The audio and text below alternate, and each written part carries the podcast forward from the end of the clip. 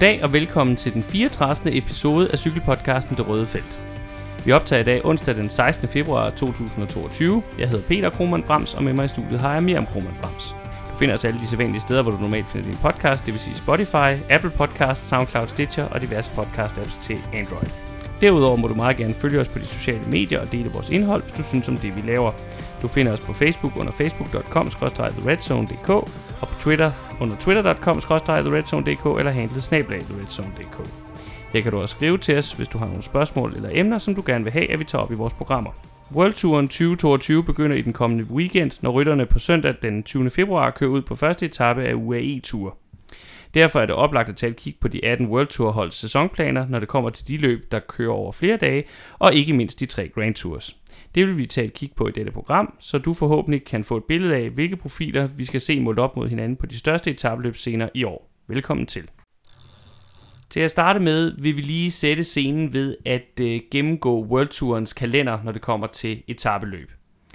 Det vil vi gøre, fordi det ligesom skal være med til at give jer et øh, billede af, til dels hvilken rækkefølge løbene kommer i, og så i den forbindelse også lige en kort gennemgang af, hvad der sådan deres profil og placering på kalenderen gør i forhold til, hvilke af løbene, der ligesom hænger sammen, forstået på den måde, at hvis man for eksempel har en bestemt Grand Tour, altså et af de store tre ugers etabeløb som prioritet i løbet af sæsonen, hvad for nogle af de øvrige etabeløb giver det så også mening at køre øh, som opvarmning eller forberedelse til øh, det store sæsonmål. Og øh, for at starte fra begyndelsen, så har vi jo allerede nævnt, at World Tourens første etabeløb, det er UAE Tour, der starter på søndag den 20. februar og køres frem til den 26. februar.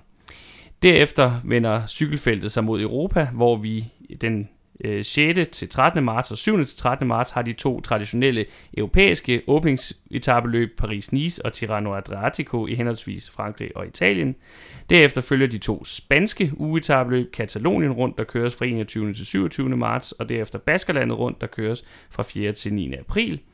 Og så rundes forårsdelen af ugetabeløb af med Romandiet rundt, der køres fra 26. april til 1. maj i Schweiz. Romandiet rundt ligger lige umiddelbart før Dion, men er faktisk ikke traditionelt betragtet som et opvarmningsløb til Giro d'Italia, fordi at dets placering faktisk gør, at det ligger for tæt på den store italienske rundtur. Øh, typisk kører dem, der skal køre øh, og satse på Italien rundt, øh, oftere Tour of the Alps, der ligger lidt før, og som ikke er en del af World Touren, mens Romandiet rundt i højere grad bliver prioriteret af de rytter, der senere skal køre turen. Efterfølgende er vi så nået frem til maj måned, og det betyder, at det er tid til Giro d'Italia, den store italienske Grand Tour, der køres fra 5. til 29. maj. Øh, derefter følger de to klassiske opvarmningsløb til turen, Kriterium de Dauphiné, der køres fra 5. til 12. juni, og så Schweiz rundt, der køres fra 12. til 19. juni. Og så når vi selvfølgelig frem til det, der er sådan, i hvert fald prestigemæssigt af sæsonens højdepunkt, nemlig Tour de France, der køres fra 1. til 24. juli. Derefter følger i starten af august to mindre øh, kendte løb, nemlig Polen rundt og Benelux Tour, der køres fra henholdsvis 30. juli til 5. august og 7. til 13. august. De løb skiller sig lidt ud ved, at de er traditionelt ikke bliver domineret så meget af de rytter, der ellers normalt gør sig i Grand Tours, men mere er nogle ugetabløb, der ligesom appellerer mere til klassikerrytterne. Og så har vi afslutningsvis den sidste Grand Tour, nemlig Vueltaen, Vuelta i Spanien, der køres fra 19. august til e- 11. september, og så sluttes øh, World Tour kalenderen af med den kinesiske etabløb Tour de Guangxi fra 13. til 18. oktober. Nå, det var en overordnet gennemgang. Miriam, vil du sige lidt om, hvordan, de, altså, hvordan er sådan ligesom prestigeniveauet, hvis vi sådan skal prøve at differentiere de her mange etabløb lidt fra hinanden? Jamen først og fremmest må vi jo sige, at de er jo alle sammen World Tour etabløb, så derfor er det klart, at øh, de rangerer rimelig højt. Der er ikke nogen tvivl om, at Tour de France er det klart mest prestigefyldte øh, cykelløb, eller cykeletabløb i hvert fald, man kan vinde. Øhm, og så historisk set rangerer Giro d'Italia højere end Vuelta i Spanien, og det skyldes selvfølgelig dels, at Giroen er ældre, men også at øh, de tidligere har ligget overlappende, sådan at de begge to lå i foråret inden Tour de France. Så skulle man vælge, om man ville køre Giro d'Italia eller Vuelta a España. Giroen var ældst, mest prestigefyldt, så derfor så valgte de fleste store rytter at prioritere Giroen. Og så først meget senere øh, i løbens historie har man valgt at flytte Vueltaen til efteråret efter Tour de France, der hvor den så ligger i slutningen af august til en gang øh, midt-slut september. Øhm, så man kan sige, den er så småt ved at kravle op af på en helt anden måde, fordi at nu er det jo muligt at kombinere, at man for eksempel kører Giroen og Vueltaen, eller kører Turen og Vueltaen. øh, så det er mange af de samme rytter, vi får til start øh, der. Men det man så stadigvæk kan sige om Vueltaen, det er, at du hører meget sjældent om en en rytter, der har bygget sin sæson op om, at man skal top i Vueltaen. Altså det er sådan lidt, at øh, enten så vil du rigtig gerne køre Giroen, eller også vil du rigtig gerne køre turen, og så er Vueltaen sådan en ekstra Grand Tour, man kombinerer med enten Giroen eller Tour de France. Det er ikke sådan, at man bare fra start af melder ud, jeg skal top der i slutningen af august, når jeg skal køre Vuelta i Spanien. Sådan er der ikke nogen, der har det. Nej, altså det er vel, man kan vel, hvis man skal være lidt grov, sige, at Vueltaen kan også ende med at blive sådan lidt en trøstepræmie på en eller anden måde, ikke også? Hvis, ja, eller sådan et opsamlingsheat, ikke for dem, ja. hvor det ikke gik særlig godt i turen. Altså du kan være helt sikker på, at hvis man har en rigtig dårlig Tour de France, så skal man i hvert fald skynde sig at komme på holdkortet til Vueltaen, så man lige kan prøve at se, om man kan få rejst. Og det er jo det, Roglic faktisk har gjort de sidste par år, hvor det er gået galt i turen, ikke? og så har han vundet mm. Vueltaen bagefter. Øhm, hvis vi så skal se på nogle af de andre løb, øhm, så kan man sige, øh, både Paris-Nice og Tirreno Adriatico, som sådan er de to åbningsløb, kalder man dem, selvom UAE Tour så ligger inden, de er meget prestigefyldte begge to. Øhm, og det er ikke sådan, at man kan køre dem begge to. Altså tit har det været sådan, at de overlapper lidt, i overlap, overlapper de fuldstændig, så man skal stille sig start i enten det ene eller det andet. Mm. Og så historisk set har det været sådan, at Paris-Nice var et ugetabeløb til bjergrytterne, mens Tirreno Adriatico mere var til øh, nogle klassiker-typer. For eksempel sådan en som Rolf Sørensen kunne gøre sig forhåbninger mm. om i sin tid at vinde øh, Tirreno Adriatico. Ikke? Hvor i dag er det meget mere blevet sådan, at de faktisk for det meste begge to har nogle rimelig bjergrige ruter og kæmper om at tiltrække de store bjergrytter og, og få den store første bjergrytter dyst, hvis man for eksempel kan få sat Roglic op mod Pogacar fra starten af sæsonen. Mm. Altså, så, så de er mere begyndt at konkurrere om det samme publikum øh, på den måde. Men de er begge to meget prestigefulde, hvor man kan sige, UAE Tour, som så faktisk ligger inden som det egentlig første World Tour etabeløb, det er jo en ny tilkommen øh, mm. på, øh, på Worldtouren, og der kan man sige, lidt ligesom med Guangxi Tour, der øh, lukker og slukker i oktober måned, så tænker jeg umiddelbart, at grunden til, at de har World Tour status, det handler mere om, at man gerne vil forsøge at udbrede cykelsporten til andre områder end kun Europa. Det er jo en meget europæisk sport stadigvæk, øhm, hvilket kommer til udtryk ved, at der er ikke specielt mange prestigefulde løb, der foregår uden for Europa. Øhm, så jeg tror, det handler om, at man har tænkt, at det kunne være rigtig fint at have store løb, der tæller noget øh, i pointregnskabet, og som øh, holdene i et eller andet omfang er forpligtet til at stille op i, uden for det europæiske kontinent, men de rangerer altså prestigemæssigt ikke særlig højt. Øh, så er der så et hold som UAE-holdet, som selvfølgelig går rigtig meget op i UAE-tur, fordi at det er der, den hjemlige sponsor ligesom virkelig skal have valuta for pengene, ikke? men det er jo så også øh, nogle andre hensyn end de rent sportslige, kan man sige. Hvis vi så lige kort også skal sige lidt om, om de øvrige World Tour løb, så kan man sige, at de to spanske løb, altså Katalonien rundt og Baskerlandet rundt, altså de, det er jo sådan nogle løb, hvor man kan sige, det er sådan ligesom opfølgerne typisk på, øh, på Paris-Nice og Tirreno Adriatico. Altså igen, mange af de rytter, der har prioriteret åbningsløbene, vil typisk også køre øh, et af de her, eller måske endda dem begge to.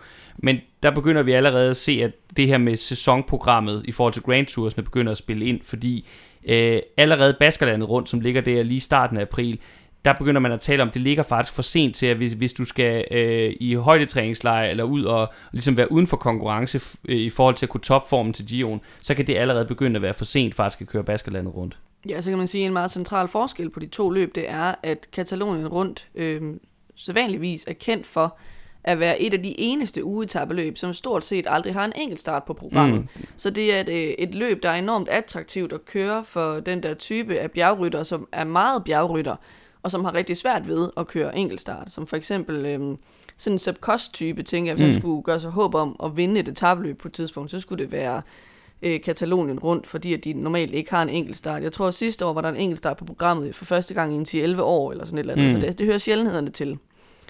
Øhm, og så Romandiet rundt, undskyld, øh, det, det tror jeg er sådan et løb, der måske bliver overset af mange, men det skal man ikke tage fejl af, det rangerer faktisk også rigtig højt i prestige. Mm. Det er et løb, som folk rigtig gerne vil vinde. Øhm, og der kan man sige, øh, modsat øh, Katalonien rundt, der er det så et løb, der rigtig meget er kendetegnet ved øh, enkeltstarter. Der er ofte to enkeltstarter på programmet, selvom det er et ugetabeløb. Øhm, og det er øh, ikke kun øh, svejserne, der gerne vil vinde det. Øhm, og jeg synes noget, der er, er fedt ved Romandiet rundt, det er tit, så er det også øh, sådan et, et meget udmavende løb, selvom det er rimelig kort, fordi man kan få rigtig dårligt vejr. øh, på mm. den årstid oppe øh, i de østriske bjerge. Schweiziske. Undskyld, schweiziske bjerge. Mm. Øhm, og, øh, og sidste år, der så vi den her fuldstændig vanvittige etape, hvor der bare var elendigt vejr. Øhm, hvor for eksempel danske Skelmose øh, gjorde det godt. Øhm, han er sådan en ryttertype, der godt kan lide at køre i dårligt vejr. Det er et øh, løb, jeg rigtig godt kan lide at se romantiet rundt. Øhm, men selvfølgelig også et, der ikke rigtig kan kombineres med Giro d'Italia. Så det er ofte øh, både Baskerlandet rundt og Romandiet rundt, dem som vælger at køre Tour de France, øh, man får at se der øh, slås om øh, klassementsplaceringerne. Ja, de kører typisk øh, Romandiet som sådan en, en sidste afslutning. Nogle af dem har også nogle gange kørt... Øh, kørt øh, Ardenner-klassikerne, der ligger lige inde, og så, så er det sådan de sidste, de kører, inden at de skal have sig en, en pause uden for konkurrence, inden at de så vender tilbage i juni og, og tager den sidste opvarmning til turen. Hvis vi så ser på Dauphiné og Schweiz rundt, så er det lidt det samme som med Paris-Nice og Tirreno Adriatico, at de kæmper øh, om de samme rytter, og det er så fordi, at de fungerer, som du sagde, som opvarmningsløb til Tour de France. Øhm, så der skal bjergrytterne ud og, og teste benene af i konkurrence, inden at de så en lille måneds tid øh, senere skal køre Tour de France. Øhm, og der vil jeg sige, over de senere år, synes jeg, Dauphiné har haft en tendens til at løbe af med det bedste felt. Øhm, og Dauphiné gør også tit det, og det gør Paris-Nice faktisk også tit, synes jeg, at de prøver at, at bygge løbet op som sådan lidt mini-Tour de France, og måske have nogle af de samme bjergpas øh, på programmet, øhm, så sådan meget direkte øhm, cater til mm. det publikum, eller til, til de rytter, der skal køre turen. Øh, hvor jeg synes, Schweiz rundt har haft sådan lidt, lidt tyndere publikum de senere år. Ja, det, det er også meget min opfattelse, og, og jeg tror bare, vi må sige, at her udnytter Paris-Nice og, og i særdeleshed Dauphiné, de udnytter, at de jo har samme arrangør som Tour de France, altså det er ASO, der står bag alle de her, alle de her tre løb, så derfor så, så er der et naturligt overlap, hvor man kan sige, i konkurrencen med Paris-Nice kan Tirreno vinde lidt på, at de jo har samme arrangør som Dion, så der er noget overlap der. Men Schweiz rundt er slet ikke organiseret en af de store løbsarrangører, så, så de er sådan lidt øh, uden for, for kategori i den her sammenhæng, og har ikke helt den ballast øh, til at udfordre, sådan Tirreno har over for Paris-Nice for eksempel. Nej, men du kan også sige rent lavpraktisk, hvordan vil du arrangere et Schweiz rundt, der kommer over de samme bjergpas som i, do, i, i turen? Øh, fuldstændig korrekt. det, det, er, det er svært. det er en konkurrencefordel, man bare ikke rigtig har, ja. når det foregår i et andet land. Øh, men det rangerer også højt øh, prestigemæssigt. Det har bare været lidt mere det tynde øl, der har slås, eller har slået, undskyld, om den sejr øh, de seneste år. Var det ikke var det sidste år, hvor vi havde både Fuglsang og Oran på podiet i Schweiz rundt det i en turen, ja. hvor man tænkte, okay, hvad er sandsynligheden for, at de står på podiet i Tour de France, hvor ja. man ofte tænker, at nogle af dem, der kører godt i Dauphiné, de også kommer til at køre godt i turen. Afgjort. Selvom der har været en tendens til, at dem, der vinder Dauphiné, ikke vinder turen. ja, det er rigtigt. Der har været sådan en lidt, lidt sjov øh, sammenblanding, eller en lidt sjov afvielse der de sidste par år. Hvis vi så tager de sidste to der, Polen rundt og Benelux Tour, øh, så kan man sige, at Polen rundt fungerer lidt som sådan et overgangsløb, fordi der er nogen, der ligesom tager det sidste af formen fra turen med ind i, i Polen rundt, og prøver at udnytte det til at skabe nogle gode resultater. Og så er der også nogen, der har holdt pause, måske siden de kørte Giro d'Italia, som bruger Polen rundt til at køre sig i gang igen, inden de skal have rigtig godt gang i deres efterårssæson, for eksempel med nogle af de italienske endagsløb, eller med at køre Vuelta i Spanien. Øhm, og samtidig så afviger det selvfølgelig fra øh, de fleste af de andre af de her ugetabeløb, som du sagde ved, at man kommer ikke op i helt lige så høje og hårde bjerge, øhm, så tit så kan nogle af de mere hårdføre klassikerryttere faktisk godt øh, gøre sig rigtig fint i sådan et løb her. For eksempel så tror jeg, at Mohoric kom på podiet sidste år, som jo ellers er, er en tung dreng, øhm, og også kan køre brosten, ikke? Øhm, så det er ikke nødvendigvis en bjergrytter, øh, der vinder, eller i hvert fald behøver det ikke at blive domineret af bjergryttere. Øh, og det samme med Benelux Tour, altså det er jo, øh, måske man ikke lige tænker, man har hørt om det før, men det er fordi øh, løbet har skiftet navn de mange gange de seneste år. Ja. Så der er nok mange, der vil kende det som en Eco Tour for eksempel. Ja, eller Bing Bang Tour, Bing som Bang det hed sidste år. Øh, Holland rundt. ja, det hed det helt tilbage før World Tourens øh, dag, det er rigtigt. Så, så det er også, altså det er en anden ryttertype, altså der kan man se klassikerryttere, klassikerrytter og, og enkeltstartsrytter løbe af med den samlede sejr, men det er faktisk også et prestigefuldt løb, som har en lang historie. Efter den her gennemgang af World Tour kalenderen sådan generelt set, hvor vi også lige fik lidt, sat lidt fokus på øh, nogle af de mindre kendte etabeløb, så vil vi nu gå til at fokusere på øh, holdenes, World Tour holdenes forskellige prioriteter for årets sæson. Og der vil vi altså tage udgangspunkt i de tre Grand Tours, fordi det er dem, der er de store sæsonmål, selvfølgelig især Giroen og Turen. Og vi kommer til at gøre det på den måde, at vi lidt følger verdensranglisten fra sidste år, så vi starter med de forventede øh, tophold og kigger lidt på, hvordan de har tænkt sig at prioritere. Og dem vil vi nok bruge lidt særligt tid på, fordi det er også typisk er dem, der indeholder de fleste profiler i forhold til både etabeløbene, som vi skal snakke om i dag, og klassikerne, som vi skal snakke om i næste program. Øh, og så vil vi øh, bruge lidt mindre tid på nogle af, af de mindre hold nede i midterfeltet og i, i det, vi kan kalde bundfeltet, gruppetonen på World Touren. så, så. Ja, ja, nu, nu må vi se. Øh, så det er jo naturligt, når vi har tænkt os at gøre det på den her måde, at starte med øh, Quickstep. Hvis vi skal starte med det store belgiske hold, der vandt øh, øh, verdensranglisten sidste år, øh, så ser det ud til, at de kører med en model i år, hvor de ligesom prioriterer klassement i Giro og Vuelta, øh, og så vil det mere være et rendyrket etappesejrfokus i turen, øh, med det en mente jo, at øh, Alaphilippe har en tendens til, eller i hvert fald tidligere har vist, at han lige pludselig måske kan blande sig i klassementet i et eller andet omfang. Ja, så altså, det man kan sige, det er, at indtil videre, så har de i hvert fald meldt til start, at altså Alaphilippe og øh, Fabio Jacobsen, deres øh, topsprinter, skal køre øh, Tour de France. Øhm, så hvis vi starter med at, at se på turen, så er jeg enig i, at det ser ud som om, at man går rendyrket efter at skulle øh, køre etappesejre hjem med de her to øh, kanon gode øh, ryttere. Øhm, og så med den åbning, at Alaphilippe jo godt kan finde på lige pludselig at få lyst til at køre klassement, hvis han ligger til og har benene til det.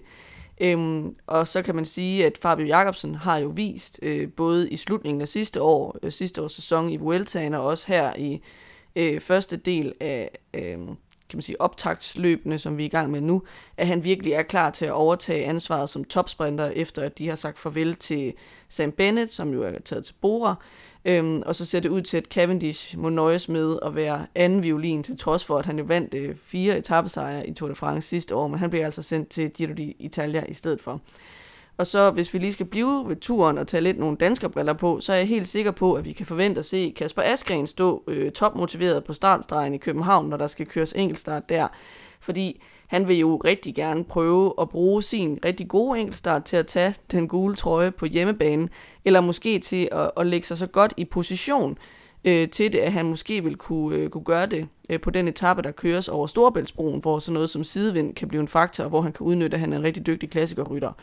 Øh, og vi har jo også... Øh, tit set den her strategi fra Quicksteps side med, at de prøver at bemægtige sig den gule trøje meget tidligt i løbet, og holde den så længe som de kan, fordi for mange hold skal man huske på, at der selve det at have den gule trøje undervejs i løbet, er der jo kæmpet meget prestige i, der er masser af sponsorpenge i det, masser af tv-tid i det, så man skal ikke tænke det sådan, at det kun handler om at stå med en gule trøje i Paris. Det gør det selvfølgelig sådan sportsligt set, men for holdene er der også virkelig meget at vinde ved, for eksempel at kunne holde den gule trøje en uge. Helt afgjort, og det er altså især for sådan et hold som Quickstep, som jo med den her tilgang også et eller andet sted erkender, at de har ikke en rytter, der kan vinde Tour de France, eller kan udfordre de største øh, favoritter i forhold til den samlede sejr i Tour de France.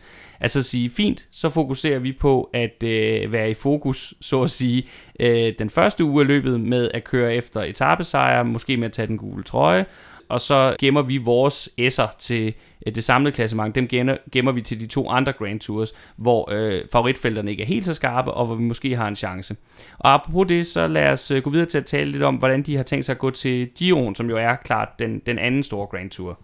Ja, altså der ser det ud til, at de sender øh, Fausto Masnada, som øh, deres sådan primære klassementshåb. Han er italiener og skal dermed køre på hjemmebanen. Han har før gjort en rimelig fin figur i Giro d'Italia, uden det sådan er kommet helt op at ringe. Øh, har ofte med sin kørsel givet udtryk for, at han godt selv kunne tænke sig at være kaptajn. Han har i hvert fald ofte set øh, ikke være så villig til at agere hjælperytter, når han ikke selv var kaptajn. jeg tror, at mig der var lidt træt af ham det ja, år, hvor han havde den øh, øhm, lyserøde førtrøje ret lang tid Jeg løbet. tror egentlig, det er også en fin prioritering at slippe ham løs i Giroen og sige, okay, Marker, jamen så har du altså chancen i år, så må du vise, at du kan. Øhm, jeg er lidt i tvivl om, hvor meget han vil kunne finde ud af øh, at få ud af sådan et, et klassementsforsøg der. Altså jeg tror sagtens, han kan køre i top 10, men jeg tvivler lidt mere på, om han har niveauet til at køre i top 5. Det skal så siges, at han har den fordel i år, at der ikke er så meget øh, enkeltstart. Øhm, så har de også det øh, unge klassementstalent Ilan van Wilder øh, med til Giroen. Øhm, han kom jo over før tid fra DSM, fordi han var utilfreds med forholdene der. Giver rigtig fin mening, at den unge belgier skal køre på det store belgiske hold. Øhm, der er nok ikke noget pres på ham, men altså i en fri rolle kan man forestille sig, hvor han får mulighed for at køre for sig selv, øhm, få noget erfaring med det at skulle holde over tre uger, uden at der er maksimal pres på, fordi at presset ligger på Masnada i øh, klassementet, og så øh, på Cavendish, som jo kommer med som sprinter, og øh, skal gå efter at køre etappesejre hjem til dem, og måske også prøve at vinde øh, den cyklamenfarvede pointtrøje. Ja, og der kan man jo sige, at, at selvom at, at den store historie på sprinterfronten for Quickstep her i, i sæsonoptakten har været Jacobsen, øh, så har Cavendish også set rimelig skarp ud. Det ser ikke ud som om, at det, det er ikke fordi, han har mistet alt det, han, øh, han lige pludselig genfandt sidste år. Så, så bestemt en, en rytter, der vil, vil være at finde, øh, tænker jeg, forrest i, i feltet til, til de flade afslutninger i, i Italien. Det måske største spørgsmålstegn, når vi snakker Quicksteps øh, etabløbssæson her i 2022, det er jo deres øh, satsning på Vueltaen, hvor de har valgt at sige, at det er her, at øh, Remco Evenepoel igen skal forsøge sig som øh, klassementsrytter over tre uger. Øh, og der kan man jo sige, at øh, det er nok en meget god beslutning at sige, at han skal prøve noget andet end øh, Giroen, som han forsøgte sig med sidste år, hvor det jo ikke gik så godt. Øh, og så er der også noget i forhold til ruten. Der er ikke så meget enkeltstart i Giroen i år, som jo er en af Evenepoels spidskompetencer. Så måske også derfor er det, er det bedre at sige, sige, lad ham lige prøve på den mindste øh, Grand Tour scene først. Øh, og også måske med en rute, der passer ham bedre. Ja, og der har vi jo så et af de sjældne eksempler på en, der skal bygge sin sæson op om Vueltaen. Han skal jo nok en masse andre ting inden da. Øhm, jeg synes, det giver rigtig fin mening, som du siger, øhm, at sende ham dertil. Jeg synes, det virkede sådan lidt hovedkult sidste år. Han blev sat til at, at starte i Giro d'Italia øh, direkte efter, han kom ud af, hvad var det, nærmest ni måneders pause, mm. hvor han ikke havde nået at køre øh, konkurrenceløb øh, inden. Øhm, så det var jo kæmpe nederlag for ham, at han ikke øh, gennemførte der. Øh, så blev han så bygget op, kan man sige, både mentalt og resultatmæssigt langsomt øh, i resten af sæsonen, hvor det gik fint i ugetabeløb. Så jeg tror, tanken for ham er at prøve at få en masse godt ud af det i ugetabeløbene her i foråret, øh, hvor han også kan drage fordel af sin gode enkeltstart, og hvor det her med holdbarhed ikke er, er noget så stort problem og så prøve at se, om han kan holde hen over tre uger, fordi det ved vi jo stadigvæk ikke øh, med ham. Og det vil helt klart være første skridt på vejen til måske næste år at kunne være klassementskaptajn i Tour de France, hvis det går godt i Vueltaen. Så hvis vi lige skal opsummere på Quickstep, så kan man sige, det kommer til at handle om etappesejre, måske en grøn trøje til Fabio Jacobsen i turen, og så ellers så hedder det forsøget på at køre top 10 i både Giro og Vuelta med Masnada, måske sekundært Van Wilder i Giroen. Øh, der er jo så også en prioritering med, med Cavendish der i forhold til spurterne. Og så øh, Evenepoels øh, nye øh, Grand Tour satsning i Vueltaen. Og Evenepoel er jo også en mand, der kan jagte etape sejr, ligesom Alaphilippe kan gøre det i Tour de France. Hvis vi så bevæger os videre til Ineos, så må vi jo sige, der er tale om et hold, for hvem etabløbsplanerne er vendt fuldstændig på hovedet på grund af det forfærdelige uheld, som øh, Bernal har haft her i sæsonoptakten. Ja, og man må sige, at øh, det er jo først og fremmest forfærdelig synd for Bernal, som har været igennem nogle meget alvorlige operationer, og som også, altså kan man sige, lige nu er det usikkert, om han overhovedet kommer til at, at køre på cykel igen, i hvert fald som professionel. Mm. Øhm, det er op, de er. Men det betyder jo også øh, total katastrofe for holdet, som havde bygget deres sæsonplaner op om, at Bernal skulle være øh, kaptajn i Tour de France. Øhm, og det ser ud til, at de holder fast i fordelingen af øh, de tre Grand Tours imellem deres profiler alligevel, selvom Bernal ikke længere kan komme til start i Tour de France. Øhm, og med den fordeling, de har valgt, der synes jeg, man godt kan få den tanke, at de uden Bernal ikke rigtig tror på, at de kan vinde Tour de France. Altså de tror ikke på, at øh, selv deres andre bedste ryttere øh, øh, det vil så nok være Carapaz, øh, kan bide skære med de to slovenere, altså Pogacar og Roglic i Tour de France. Så derfor ser det ud til, at de holder fast i at sende Richard Carapaz til Giro d'Italia, for så til gengæld at have maksimal chance for at vinde den.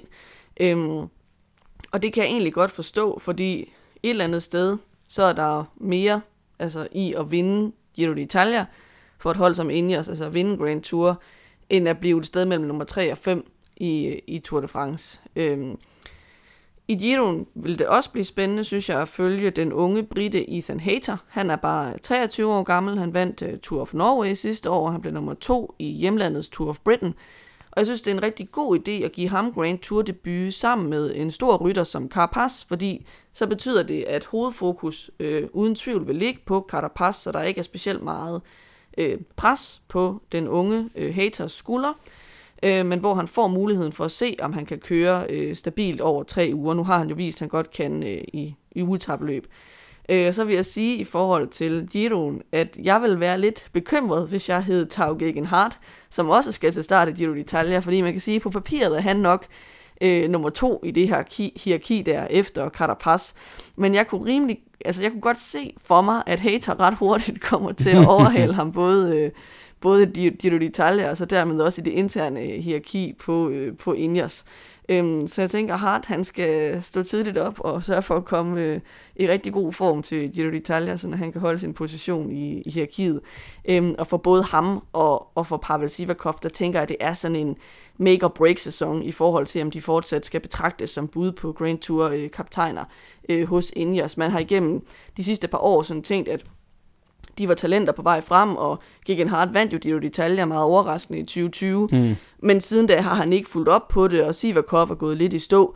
Øhm, så jeg vil sige, at jeg vil se det, øh, før jeg tror det, øh, med de to. Og jeg tænker også, at øh, Ingers, de virkelig må længes efter 2019-sæsonens tider, hvor de rådede over både øh, Christopher Froome, Bernal, Jaron Thomas, alle tre i topform på det tidspunkt, måske de tre bedste Grand Tour ryttere i verden på det samme hold, og de bare kunne vinde den ene øh, Grand Tour efter den anden. ikke. Øh, nu ser det ud til, at deres Tour de France hold bliver Jaron Thomas på vej på pension, øh, Danny Martinez, der har en tendens til at vælte her og der alle vegne, og så Pavel Sivakov, der ikke rigtig har bevist, at han kan over tre uger.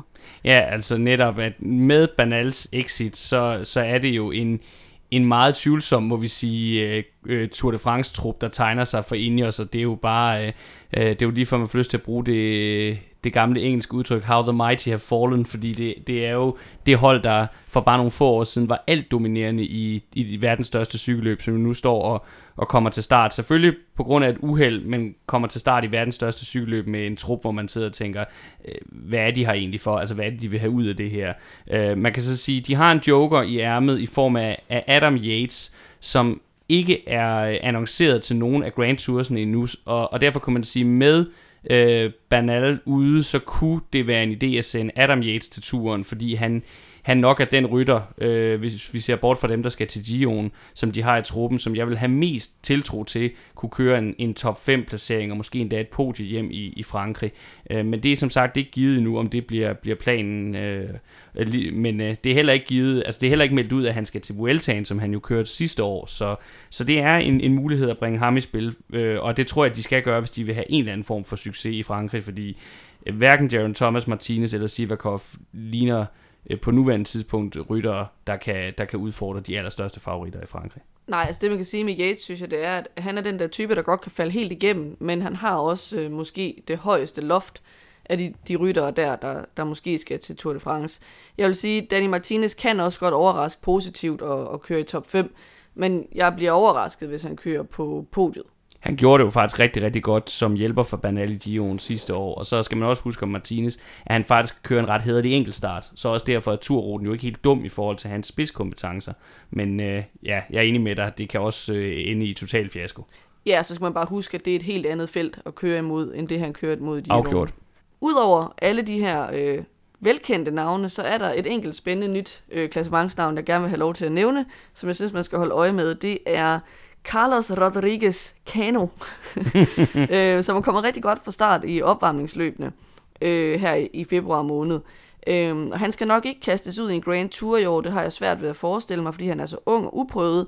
Men han bliver nok sendt til øh, nogle af World Tour ugetabeløbene som en form for delt kaptajn med nogle af de andre.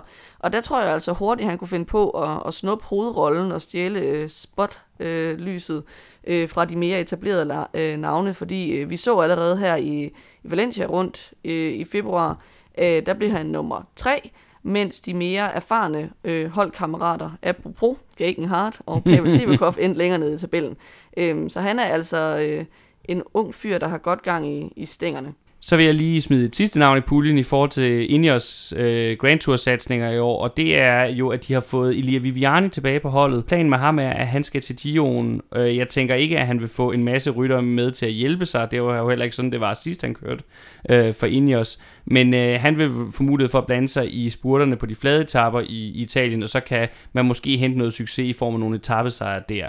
Øh, men alt i alt, så må vi jo sige, at det ender med at blive en noget alternativ og, og ikke så markant Grand Tour satsning, vi kan forvente at se for Ineos i år. Og det handler jo, som vi allerede har talt om flere gange, øh, først og fremmest om, at deres helt store profil, Egan Bernal, slet ikke formentlig kommer til at køre på cykel i år, og måske aldrig kommer til at køre på cykel professionelt igen.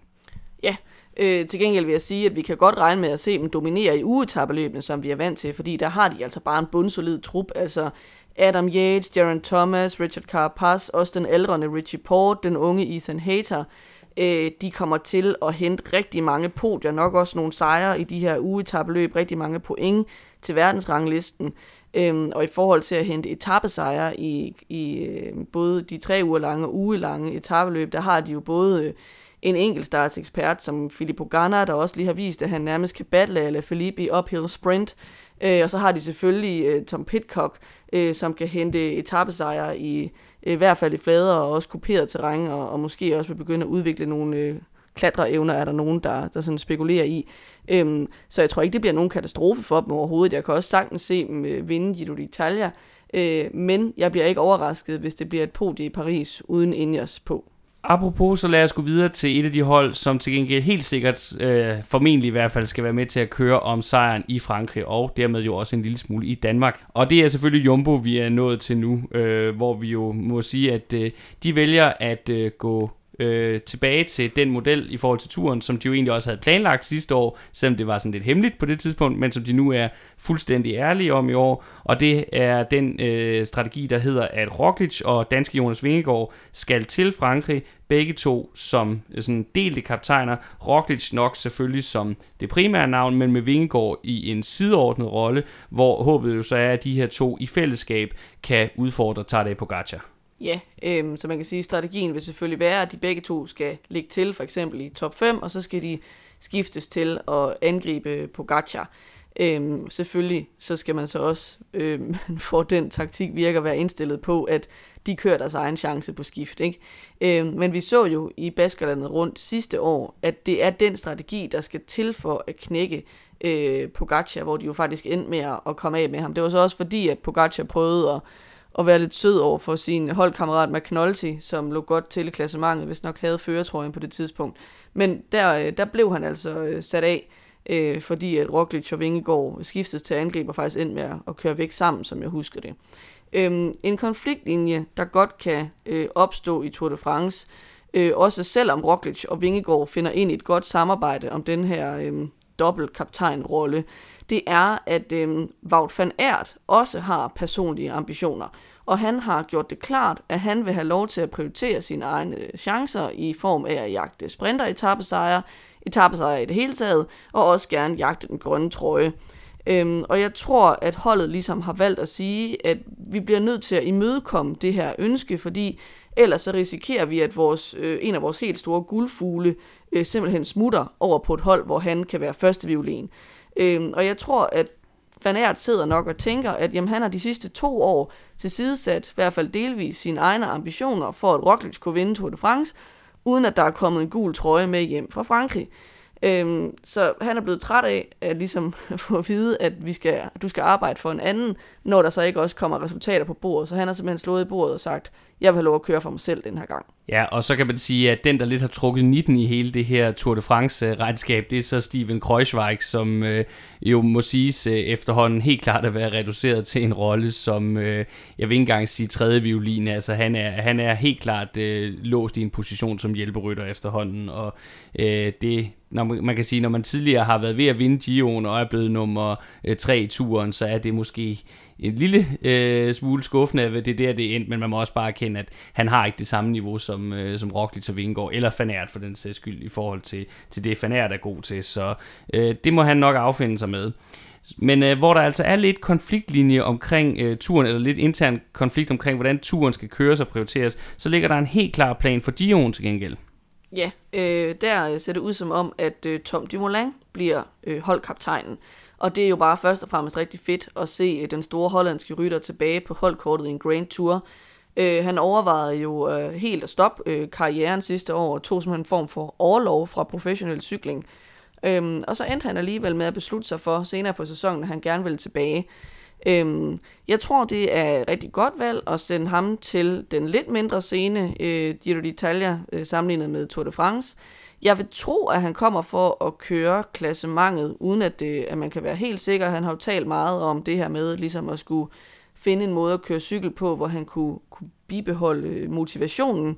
Øh, men jeg synes umiddelbart, det lyder som om, at han vil køre et øh, klassementsresultat hjem. Og så samtidig så får øh, Tobias Foss igen mulighed for at prøve sine evner af. Han blev nummer 9 sidste år i Giro d'Italia. Øh, rigtig flot af ham. Øhm, og han skal jo et eller andet sted bare gribe chancen og vise, at han er værd at satse på. Fordi øh, ligesom på India, så kan man på Jumbo jo lynhurtigt ryge nedad i hierarkiet, øh, hvis ikke man selv viser fremgang. Fordi at der er så mange stærke øh, navne øh, på det her hold. Der er også en Sepp Kost, der rigtig gerne vil have lov til at køre sin egen chance. Øhm, og de har også hentet nye unge klassementstalenter ind i år, som de vil forsøge at udvikle. Øhm, det er de her Van Dijk-brødre, de har hentet op mm. fra deres udviklingshold øh, før tid, altså tidligere end planlagt, fordi at de allerede ser så gode ud. Øhm, så det er med at holde speederen i bund for sådan en som Foss, hvis man skal forblive sådan fremme i, i bussen. Ja, jeg vil lige indskyde omkring uh, Dumoulin her, at uh, Øh, jeg synes bare, det er fantastisk at se, at han igen har mod på at køre øh, efter det samlede klassement i en Grand Tour. Jeg tænker, det er det, han vil forsøge her. Og øh, så er der måske nogen, der vil sige, at Dion indeholder jo lidt mindre enkeltstart i år, end vi måske har set de seneste par sæsoner. Så på den baggrund kan det jo være lidt underligt, at det så her Dumoulin vælger at, at satse på et, et, et Grand Tour klassement comeback. Men man skal bare lige huske, at når Dumoulin har været bedst, så har han altså også kunne udfordre de andre på regulære øh, etapper. Og da han vandt Giroen tilbage i 2017, øh, der de, det de fleste husker i dag er nok øh, desværre hans, hans tur i grøften og hans lidt øh, øh, vævende kørsel i slutningen af løbet, hvor han havde fået dårlig mave. Men, øh, men sandheden var jo, at i den midterste del af løbet, hvor da han virkelig var på toppen, der smadrede han altså også de andre på, på stigningerne. Så, øh, så man skal ikke afskrive den, øh, den rutinerede hollænder, hvis han har fundet glæden og, og benene igen, så tror jeg bestemt, at han kan køre med om sejren i Italien. Ja, og øh, sejr kan de nok også regne med at køre med om i Vueltaen. I hvert fald så er Roglic meldt til start i det spanske, hvor han jo skal se, om han kan gøre det til fire på stribe. Han har vundet øh, Vueltaen de sidste tre år i streg. Øhm, så vil jeg sige, når de både har Roglic, Vingegaard, Dumoulin, Kreuzvik, Foss, også Van Aert, og derudover Sepp Kos og den nye tilføjelse Tej Benot på holdkortet, så har de jo også, også rigtig gode muligheder for at vinde ugetabeløb, ligesom Ineos har. Øhm, Udover det, så er det jo nok Van Aert, der skal bære forhåbningerne i sprinterafslutningerne, øhm, nu hvor de ikke længere har øh, kronevæggen i folden. Øh, men det tror jeg, Van Aert er rigtig godt tilfreds med. Han vil jo gerne øh, stå for de der sprinter selv. øhm, og så kan man sige, at flere af deres bjergryttere er jo også rigtig gode til at skovle tappesejre hjem, især sådan en som Roglic, der rigtig godt kan lide at køre første årstregen. det må man sige. Ja, hvis vi lige skal samle sammen på, øh, på Jumbo, så er det jo altså et hold, som i realiteten bør kunne køre med om sejren i alle tre Grand Tours i år. Øh, der er en chance for, at det kikser i Gion, fordi vi jo ikke ved, hvor Tom Dumoulin er, eller om det er overhovedet det, der bliver hans prioritet. Men øh, vi må nok sige, at set som helhed, så er det øh, det her mandskab sammen med Ineos og UAE, der står stærkest, når vi snakker øh, samlet sejre i etabeløb. Og apropos UAE, så er det dem, vi skal videre til nu. Og der er der jo ikke nogen tvivl om, hvad det helt store sæsonmål det bliver. Nej, der er ingen over og ingen ved siden af Tadej Pogacar på UAE, og det hele handler selvfølgelig om, at han skal vinde sin tredje Tour de France sejr i træk.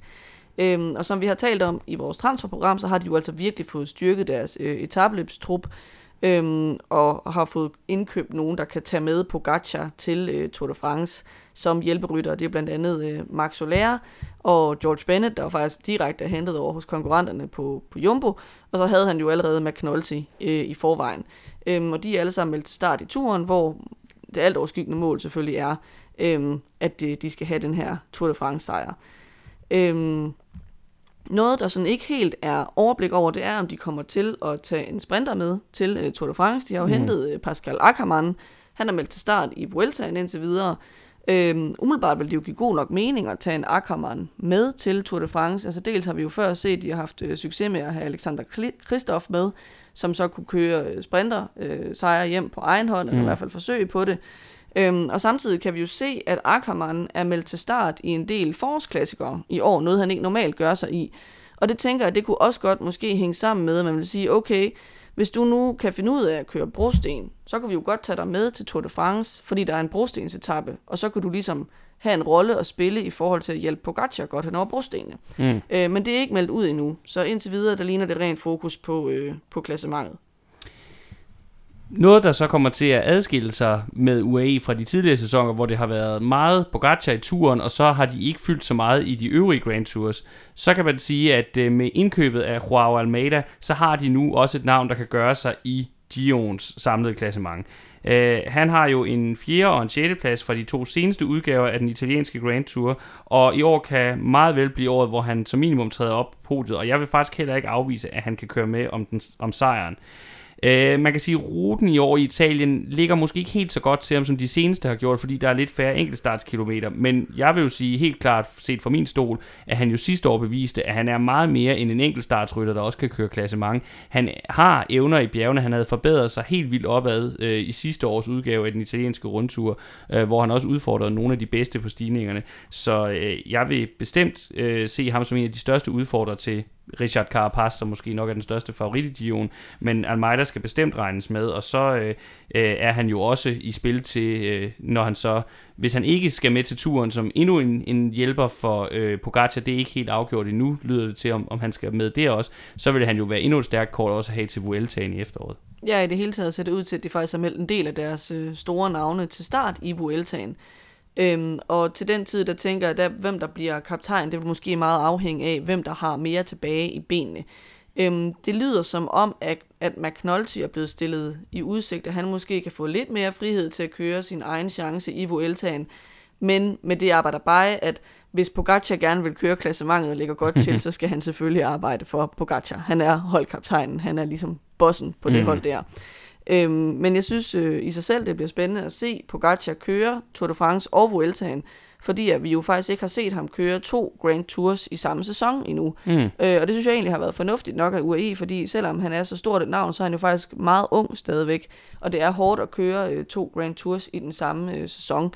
Øhm, så det bliver spændende at se, hvordan øh, det spænder af for ham.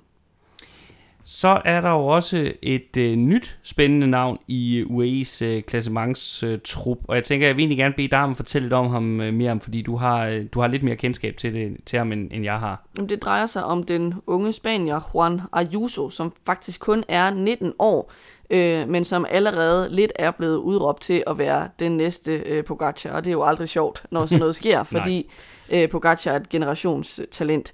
Øh, jeg vil sige, fordi han er så ung, er det nok umiddelbart for tidligt til et gennembrud. Øh, hans sejr sidste år i det, man kalder Baby Giroen, vidner jo om, at han har potentialet til at blive en stor øh, Grand Tour-rytter. Øh, jeg vil så sige, det ser umiddelbart ud, som om man har fået munden lidt fuld med øh, World Tour-niveauet. Han øh, begyndte at køre World Tour-løb sådan midtvejs i sæsonen, som jeg husker det sidste år for mm. UAE-holdet, og har også kørt noget her øh, i opvarmningsløbene. Øh, Øh, og umiddelbart, så altså det er ikke fordi han kører dårligt, men det er bare heller ikke fordi han er braget ind på scenen, som vi så øh, både på Gacha og Vennepol øh, gøre i den sæson, hvor de havde deres debut øh, på World Touren. Så han bliver spændende at følge, men jeg regner ikke med at se ham øh, blande sig øh, for 11 år i de store løb.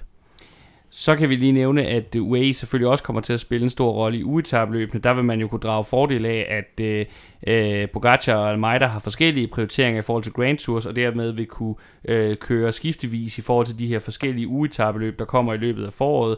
Og så har man jo bare også en generelt stærk trup på det her punkt med McNulty, Ayuso, øh, George Bennett, øh, Soler, øh, Formulo, Maika, Ulisi, alle sammen navne, der kan gøre sig i et eller andet omfang i det samlede klassement og på etaper i de her løb. Og så skal vi jo heller ikke udelukke, at UAE også kommer til at kunne hente point i Grand Tours og uetabløb, når det drejer sig om sprinterne, fordi de har folk som Ackermann, en Fernando Gaviria, der måske begynder at vise lidt igen, og så også en, en stadigvæk relativt ung Alvaro Hodek. Øh, så øh, det er helt klart øh, i etabløbene, at vi kommer til at skulle regne med at se UAE hente de fleste af deres point her i 2022. Nu bevæger vi os så ned i midterfeltet på verdensranglisten, og der starter vi med øh, Bahrain, som øh, jo sidste år øh, noget overraskende fik deres øh, bedste Grand Tour resultat i Giroen, da den evige hjælper Caruso kørte sig til en meget, meget flot øh, andenplads. Men i år er det nok nogle øh, andre rytter, vi skal kigge efter, når det drejer sig om Bahrains muligheder for succes. Ja, jeg vil sige, jeg vil gerne æde en meget stor hat i studiet, hvis Caruso han henter en anden plads hjemme i en Grand Tours'ene igen i år. Øh, nej, i Giro d'Italia der ser det ud som om, at det bliver en tandem i form af Michael Landa og Pello Bilbao, der kommer til at bære klassementsforhåbningerne der. Øh, og man kan sige, at Landa får jo så igen igen mulighed for at prøve lykken i det italienske, som til synligheden elsker Landa lidt mindre, end Landa elsker Giro d'Italia. Mm. Øh, han har rigtig mange gange stillet op øh, som kaptajn i det løb, og så på den ene eller den anden eller den fjerde måde er det gået galt for ham. Sidste år, der synes jeg, han lignede en mand i kanonform i starten af løbet, øh, men så styrtede han og udgik allerede i løbets første uge. Jeg vil sige, hvis alt klapper, så er han altså en mand, der kan gå på podiet, eller sågar også vinde løbet. Jeg tror godt på, at han kan udfordre en som Carapaz øh, og også Almeida. Øh, I bjergene, der er ikke så mange enkeltstartskilometer i år, som altid har været en akilleshæl for ham. Øhm, men tit så, så går det jo bare galt, så et eller andet sted vil jeg også sige, at øh, jeg vil se det, før jeg tror det. Øh, Pelo Bilbao har også ytret ønske om at køre sin egen chance, øh, og vi ved jo, at han kan øh, køre i top 10 i Grand Tours, så jeg synes faktisk, at øh, det er en stærk due, de har til start der. Lander skal så også til turen, men det bliver så nok mere i en rolle, hvor han skal jagte etapper. Øh, en stor bjergsejr, det vil være en, en rigtig øh, flot tilføjelse til CV'et for ham. Øh, men øh, de stiller i det hele taget med en meget bred palette af ryttere til, til den store franske Grand Tour. Ja, det, altså, det ser ud som om, at det er uh, turen, der har hovedfokus for dem. Øhm, Jack Hague øh, fik jo endelig sit øh, Grand Tour gennembrud øh, sidste år med sin tredjeplads i Vueltaen, og med den præstation har han så til også vundet kaptajnrollen i Tour de France.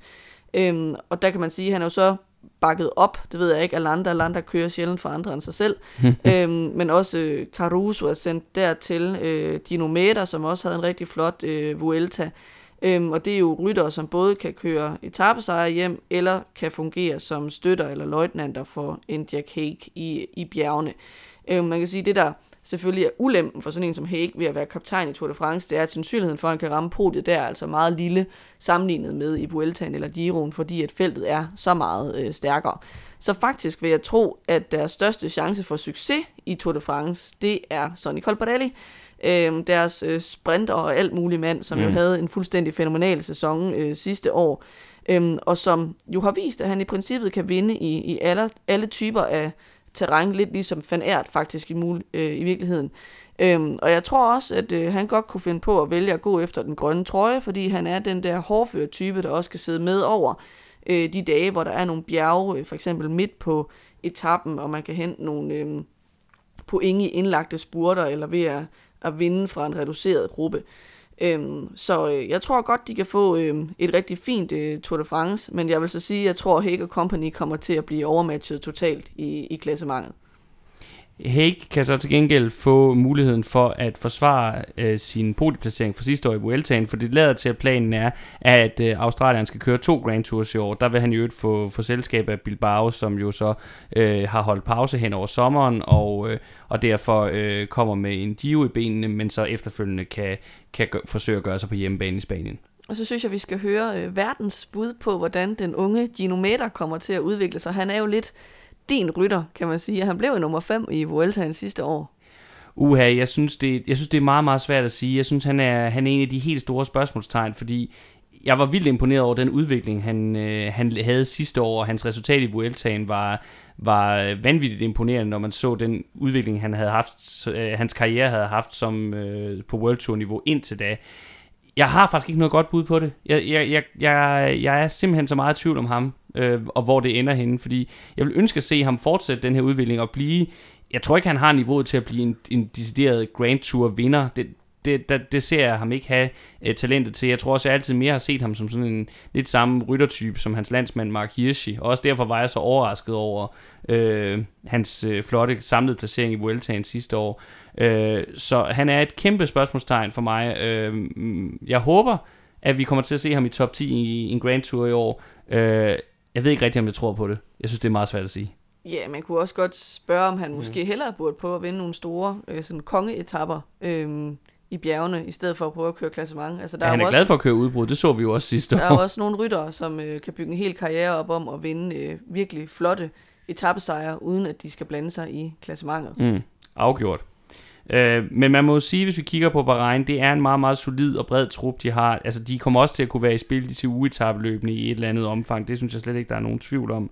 Øh, og så må vi jo sige, at de også er et hold igen med rytter som Colbrelli og Mohoric, der også kan jagte etappesejre øh, undervejs, og, og måske endda også kan køre med i nogle af de her sådan lidt øh, mere klassikervenlige øh, uetabløb, vi har mod slutningen af sæsonen. Vi iler videre til øh, Bora, som jo har hentet øh, Alexander Vlasov over fra Astana, og øh, Øh, de har jo allerede her fra starten af sæsonen vist ham øh, stor tillid i, i de ugetabløb, der er blevet kørt, og det har de også tænkt sig at gøre i forhold til det generelle sæsonprogram. Ja, for de har meldt ud, at øh, Alexander Vlasov bliver øh, kaptajnen i Tour de France, hvor han så bliver sendt afsted sammen med Sam Bennett, der skal forsøge at hente øh, etappesejre i sprinterne, og selvfølgelig også jagte den grønne trøje. Øh, jeg synes egentlig, det er en, en fed beslutning fra holdets side, som du siger, at vise ham den her øh, tillid. Øh, man kan så sige, at han skal så også lidt gribe bolden, ikke? fordi han har ikke besteget et podie i en Grand Tour endnu, øh, og han får virkelig sin sag for, hvis han skal forsøge at vippe øh, Vingegaard eller Pogacar eller Roglic øh, af podiet. Og der er jo en af dem, som, øh, som skal vippes ned, hvis der er en anden, der skal stå mm. der, kan man sige. Øh, omvendt synes jeg også, at han viste flot fremgang sidste år med en fjerdeplads i en svær Giro, øhm, som jo kom ovenpå, at han havde kørt sådan i udkanten af top 10 i Vueltaen året før. Så øh, han har jo vist øh, progression i, øh, i tre ugers etabeløb indtil videre. Øhm, så jeg synes, øh, det bliver spændende at følge. Altså, jeg tror ikke, at han går på podiet i turen. Øhm, jeg tror også godt, der er en risiko for, at han kan blive fuldstændig fladmast. Mm. Øh, men omvendt kan jeg også godt se ham øh, køre en top 5. Øh, han er jo kommet forrygende fra start i år med sejr i, i Valencia, hvor han blandt andet satte en stortudende Evenepoel til vægs på en meget stejl grusafslutning, som fik Evenepoel til at råbe op om, at sådan noget slet ikke hørte hjemme i cykelsport. Det hænger måske også sammen med, at han fik total køretur på grusetappen i Giroen sidste år. Øhm, jeg vil sige, at i år, det kan blive det helt store øhm, gennembrud øh, for Vlasov. Øhm, problemet for ham, vil jeg sige, både i Tour de France og i, i ugetabløbene, det er, at han ikke har nogen særlig god enkeltstart. Så det skal altså være noget, han skal arbejde på. Ja, man kan sige, han er jo ikke den eneste satsning i turen. De har også tænkt sig at tage Sam Bennett med, som jo er tilbage som øh, topsprinter på, på det øh, tyske hold, og jo så i øvrigt øh, også vil være en kandidat til at køre efter den grønne trøje, som han jo har vundet tidligere. Så øh, selvfølgelig, det er en stor tillidserklæring til Vlasov, men der bliver også et fokus på at jagte etappesejr. Jeg tror også, at, at vi vil se en trup, der også afspejler, at der skal kunne køres nogle lead-out i, i spurterne for, for Sam Bennett. Øhm, så er der til gengæld en mere klar øh, klassementsprioritering, når vi kigger på deres hold til Gion. Ja, for der sender de hele tre S'er øh, i form af øh, Buchmann, Keldermann og Hindley. Øhm, og øh, hvis vi kigger på Wilco Keldermann, så blev han jo nummer 5 i Tour de France sidste år. Så man kunne godt tænke, hvorfor stiller du så op, ikke op der igen og prøver at gøre det bedre? Øhm, men jeg vil nok sige, at det er nok hans loft i et løb som Tour de France, når man kigger på, hvor stærkt et felt, der er altid til start der. Og han har også øh, selv givet udtryk for, at han vil egentlig hellere kæmpe om sejren i Giro d'Italia, hvor han jo blev nummer 3 i 2020, end at han vil kæmpe for at blive nummer 4-5 stykker i, i turen. Det synes jeg faktisk er en fed tilgang, øh, set fra et sportsligt perspektiv. Fordi det er alt for tit, at vi ser, at folk mm. hellere vil køre efter en top 10 i turen, end at gå efter et podie i en af de andre Grand Tours. Jeg vil så sige, at det er lidt ærgerligt for ham måske, at der er mindre enkeltstart i Giroen, end øh, der har været de tidligere år. Øhm, men til gengæld, så kan det jo være en fordel, at de bjergmæssigt vist ikke skal helt så højt op øhm, og køre helt så hårde bjerge, som de nogle gange gør i, i Giroen, sådan som jeg lige husker øh, ruten. Øhm, så kan man sige, at for Bukman, der handler det om at tage revanche efter sidste år, hvor han styrtede og udgik meget tidligt i løbet. Og Hindley, han skal jo bare forsøge at finde benene oven på øh, katastrofesæsonen sidste år. Og så kan man sige, som sådan en lille tilføjelse, at det er jo lidt sjovt, at Hindley og Keltermann, de bliver forenet på samme hold igen som kaptajner i Giroen. Fordi de blev jo nummer 2 og 3 i 2020, mens de begge to var på DSM, hvor Hindley kørte fra sin kaptajn, da han havde krise på Stelvio. Øhm, så øhm, Jeg synes, det er en god trio, som i princippet kan køre med, både om sejren og om podiet, men hvor vi også lige skal se, hvordan det sådan indbyrdes kommer til at spille sammen for dem. Det bliver meget interessant at se de to på hold sammen igen, for der var bestemt ikke god stemning dengang øh, i 2020 efter, efter Stelvio-etappen, så, øh, og, og det endte med en anden og en tredje plads øh, i stedet for en samlet sejr til en af dem. Så det bliver meget interessant. Noget, der også bliver interessant, det er at følge den øh, nyindkøbte Sergio Igita, som jo er meldt til start i Vueltaen, hvor at det jo nok er lidt af planen, at vi så der skal se, om han egentlig har muligheden for at indfri det potentiale som et tabløbsrytter, som det er i hvert fald nogen, der har ment, at han har, men som vi ikke rigtig har set forløst endnu.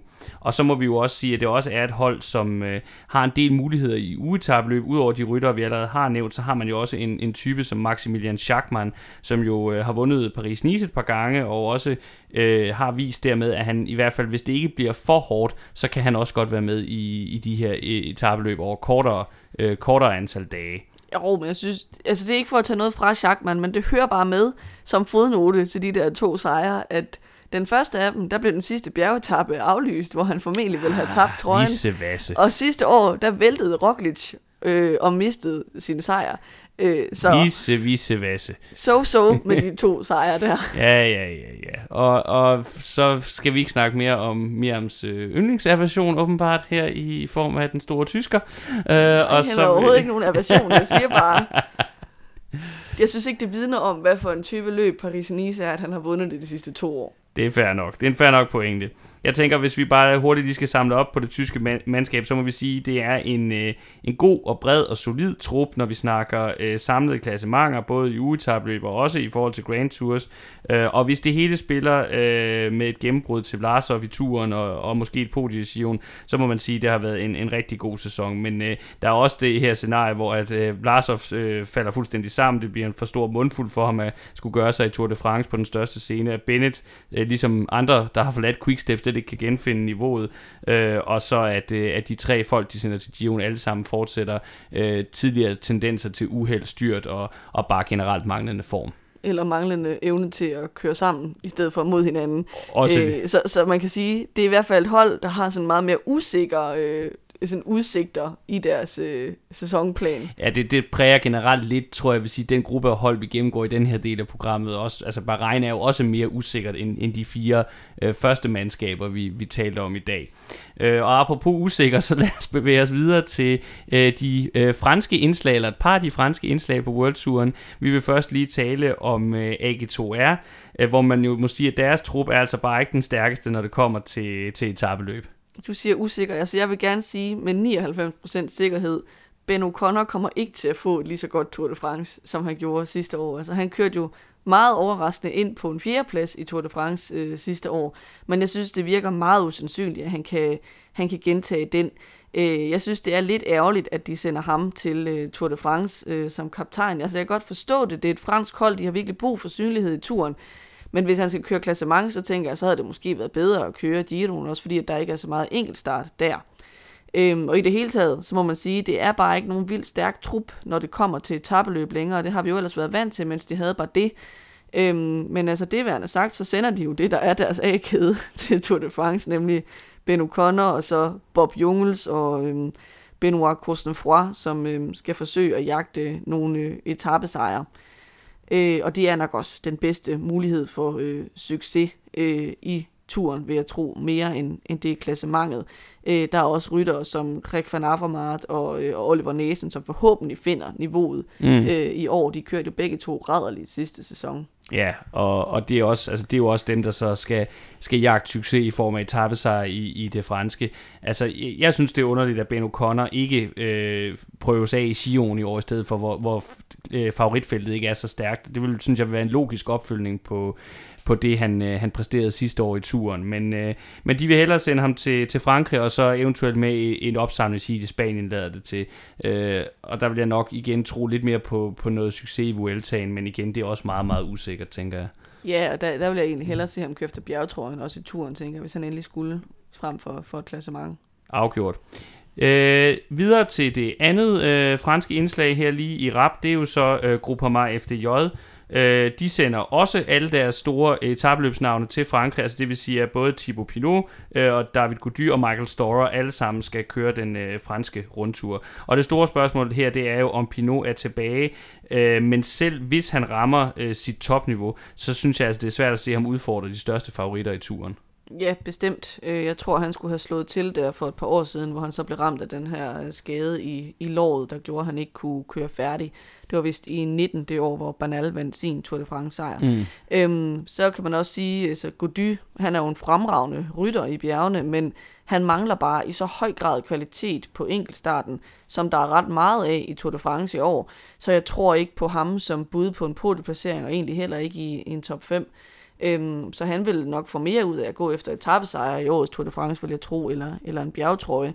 Øhm, og med Michael Storer må vi også sige, det er lidt usikkert, om han overhovedet er en klassementsfyr, eller om han egentlig vil gøre sig bedre som etappejæger og forsøge at vinde øh, en bjergtrøje, ligesom han gjorde i, i Vueltaen øhm, sidste år. Øh, så kan man sige, nu siger du, de sender A-kæden til øh, turen, og det gør de jo så også sådan bjergryttermæssigt. Ja, altså de, de store etabeløbs. Øh, ja, fordi det er netop øh, en meget ensidig klassementsfokusering, eller bjergfokusering. Øh, og så til gengæld, så er den store franske sprinter, øh, Arnaud Demare, øh, igen, måske lidt mod sin vilje, blevet sendt til Giro d'Italia.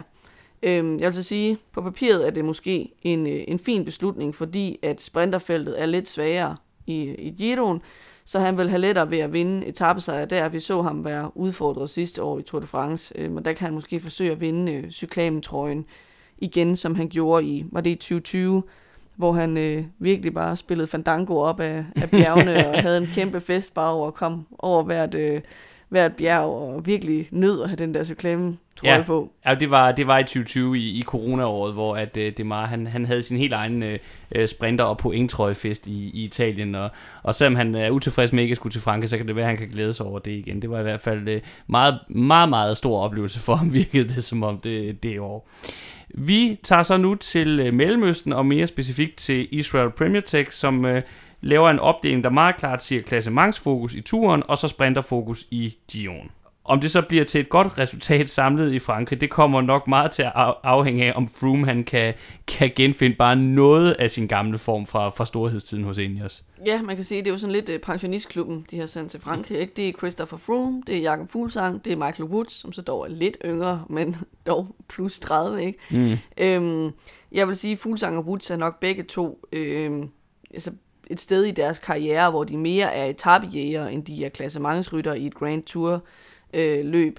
Øhm, og jeg tror også, for sådan en som Fuglsang, vil det jo være federe at få en stor øh, etappesejr i turen, end det vil være at få en top 10 placering. Øh, så til gengæld, så kan de jo godt øh, gøre sig forhåbninger om at, at vinde eller gå på podiet i ugetabløbene, mm. øh, og så spille en rolle i klassementet i den type af etappeløb.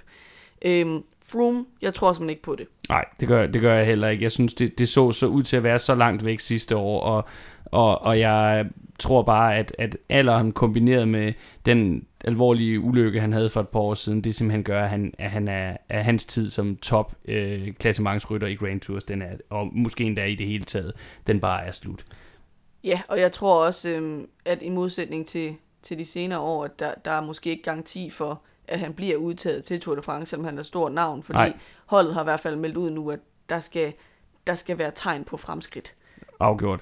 Ellers så kan det være, at man så som et plaster på såret sender ham til Dion i stedet for, men der tror jeg så, at han så må, må køre sin egen chance, fordi der lader det til, at prioriteringen er helt klart, at det handler om Nitsolo, og, og det synes jeg også er forståeligt. Han er et stort indkøb, øh, han gjorde det rigtig godt sidste år, fik sin første øh, etabeløbs, eller etabesejr i Dion på hjemmebane, som han havde tørstet efter så længe, øh, og, og den succes vil han helt sikkert være villig til og motiveret for at øh, følge op på. Han har også startet sæsonen rigtig fint i de øh, første par spurter, han har kørt. Han vinder jo ikke så tit, men han er altid med fremme, og det ser han stadig ud til at være.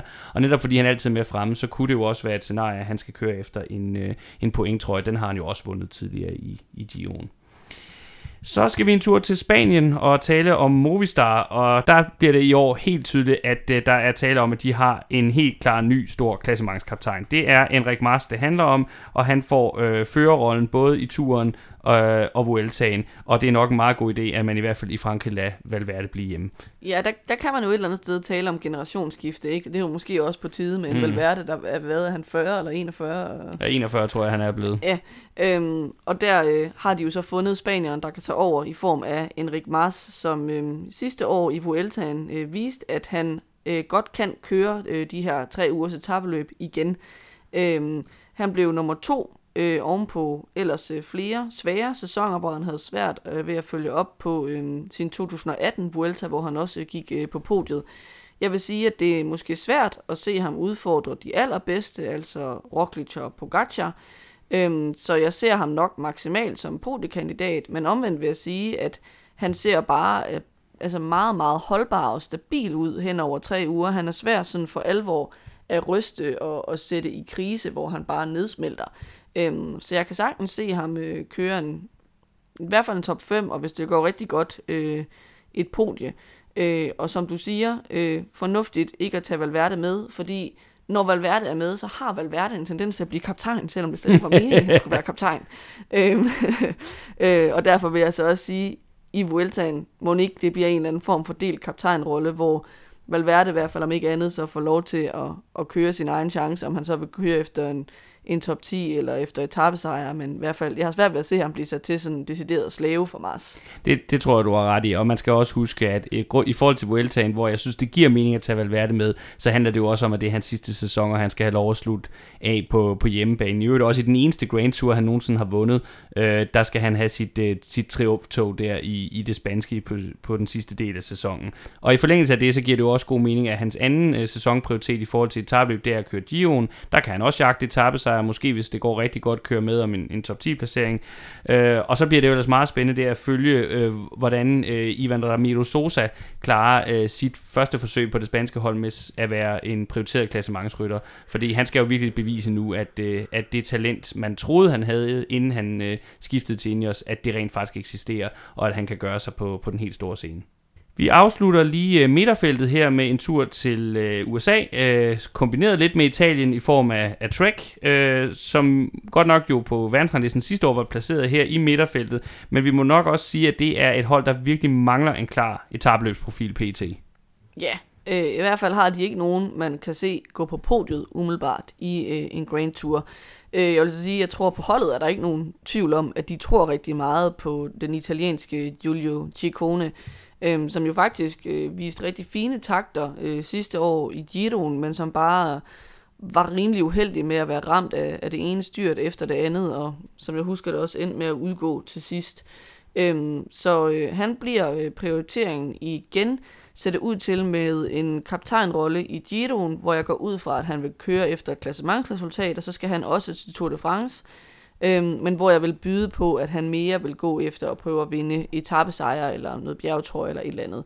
Øhm, og i begge øh, de Grand Tours er han så flankeret af den noget allerstene Bauke øhm, som jeg også umiddelbart vil tro går efter etappesejre og ikke efter et klassement. Øhm, men det vil så også sige, at der er plads til, at andre øhm, kan spille en hovedrolle. Og der tænker jeg især på øh, Mads Pedersen, som jo selvfølgelig ikke er øh, etabeløbsrytter, men som øh, jo i den grad har noget at køre for, når turen starter i Danmark. Han har øh, vist både sidste år og også her i sæsonoptakten, at han virkelig har en god enkeltstart på de korte power enkeltstarter, og det er jo sådan en, de skal køre i, øh, i København på første etape.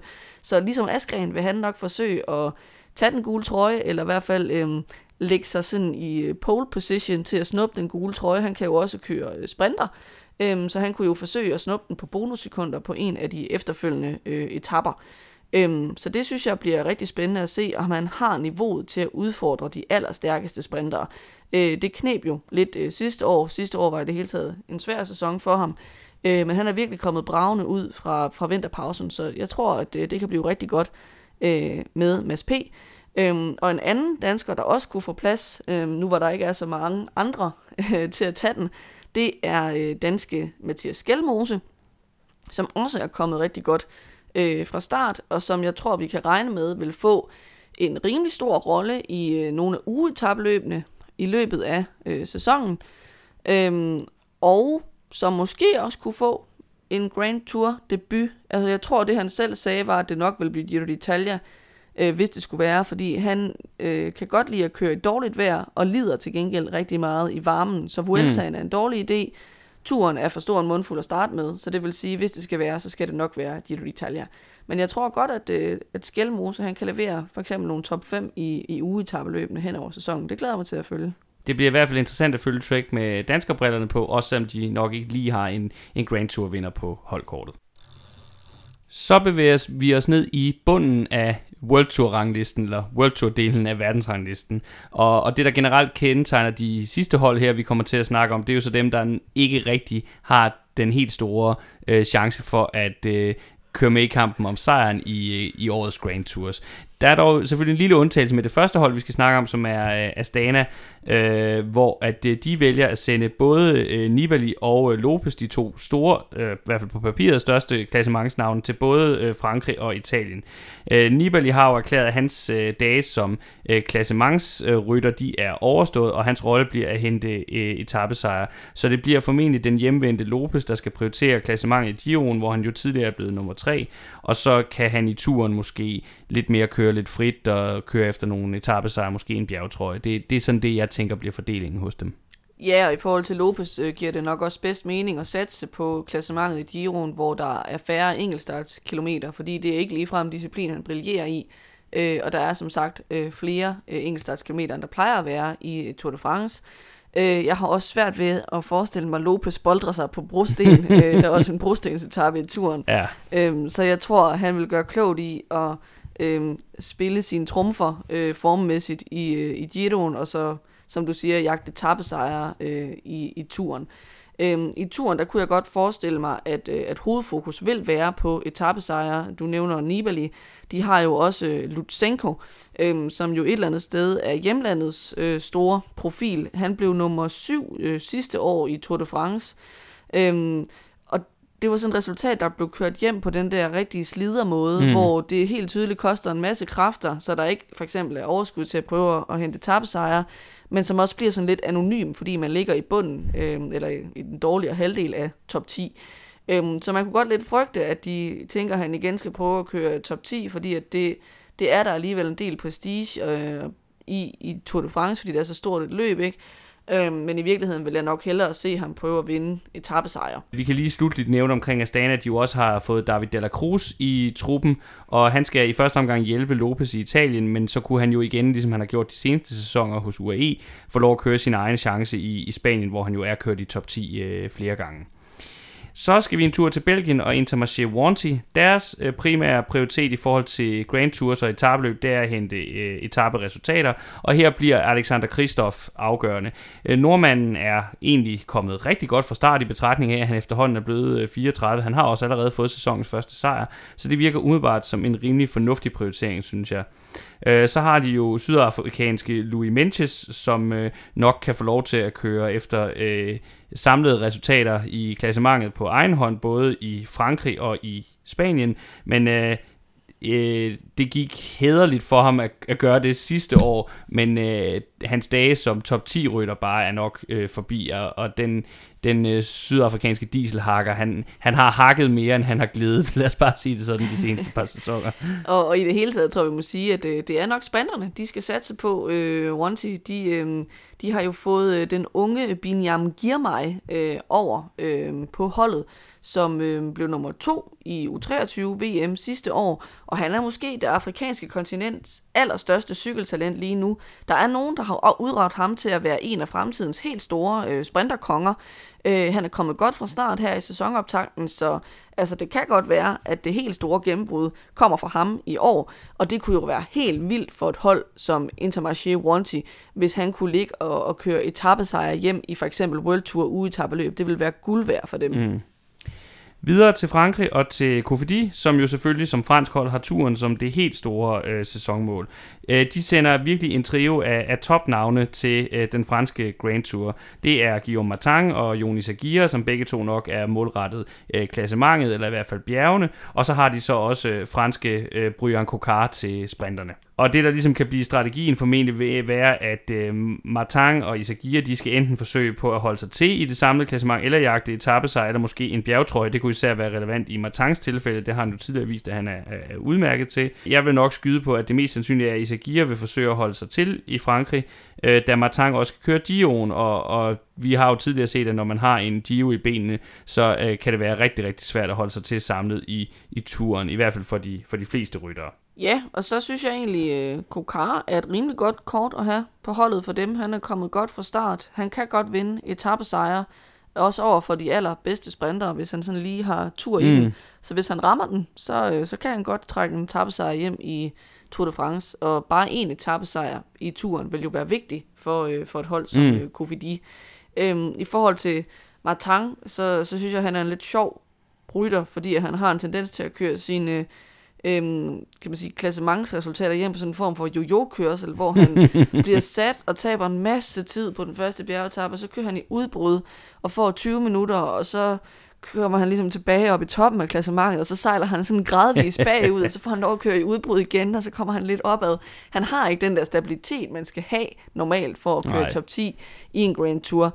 Øhm, øh, så jeg, jeg tænker, han skal forsøge at køre klassementet i Giroen, øh, på den der jojo-kørsel, og så må han jo se, hvad det rækker til øh, i det felt.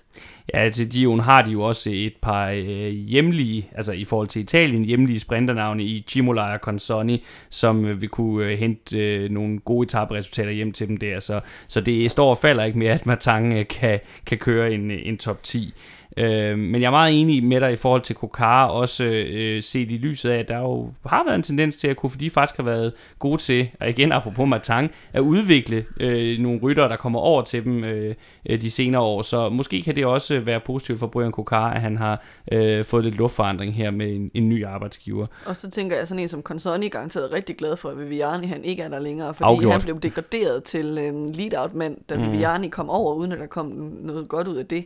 Øh, så han vil sikkert se frem til at få lov at køre sin egen chance igen. Ja, hvis altså ikke, at det bliver Kimolaj, der bliver den, den mest Jamen, så tror jeg mere, at de kommer til at køre sådan noget skiftehold, hvor de skiftes mm. til at, at lade dem køre, fordi der er jo ingen af dem, der er en topsprinter. Ah, nej. Øhm, men de kan jo godt øh, levere sekundære placeringer eller en overraskende sejr. Øh, mm. Så der tror jeg, de vil få lov at køre på skift. Helt, helt klart. Og så skal vi lige slutte af med omkring Kofidi at sige, at øh, Jonis Agia formentlig også får lov til at køre sin egen chance på hjemmebanen i Vueltaen. Det har han også gjort øh, udmærket før. Øh, så er det igen tid til at tage til USA og til det, vi jo nærmest lidt kan kalde danskerholdet, nemlig øh, EF. Øh, det er dog ikke danskerne, vi skal fokusere så meget på her, når vi snakker øh, deres øh, Grand Tour-satsninger. Det lader til, at de endnu en gang vil give Orange chancen i Frankrig, altså i turen. Øh, men spørgsmålet er, om den efterhånden 35-årige kolumbianer ikke er færdig med at køre på podiet i Tour de France. Det er i hvert fald det, jeg tager med mig i forhold til ham og sidste års øh, øh sammenbrud i turen på, på Tourmalet. Hvordan er man efterhånden 35 år? Er han 34 og på vej? Nej, han er, han, er, han er blevet 35. Sorry, det var lidt dårligt formuleret. uh, man kan jo snakke lidt om, at der måske kunne have været en pointe i at, at lave sådan en kolumbiansk duo, uh, med, ved at sende hans landsmand Chavez, som de jo har hentet med Uran til Frankrig som sekundant. Men forløbet lader det altså til at være planen at sende ham til, til Dion sammen med britiske Hugh Carthy, der skal forsøge at forbedre sin 8. plads fra, fra sidste sæson. Ja, det var jo en voldsomt skuffende 8. plads, ovenpå at han faktisk blev nummer 3 i Vueltaen året før. Øhm, han, han nedsmeltede virkelig til sidst i, øh, i Giroen sidste år. Så øhm, altså, der burde være rum for forbedring. Han, han burde have niveauet til at køre mere hjem end en 8. plads. Mm. Øh, Chavez tror jeg ikke på. Altså man kan sige, han er ikke så gammel, at det gør noget. Han vil i princippet godt kunne nå at vende det rundt, men altså så skal de så skal de virkelig gøre et eller andet med ham, som de ikke formåede at gøre på Bike Exchange. Det kan selvfølgelig mm. godt være, at, øh, at de kan det. Uran blomstrede jo op på ny, øh, da han kom til holdet.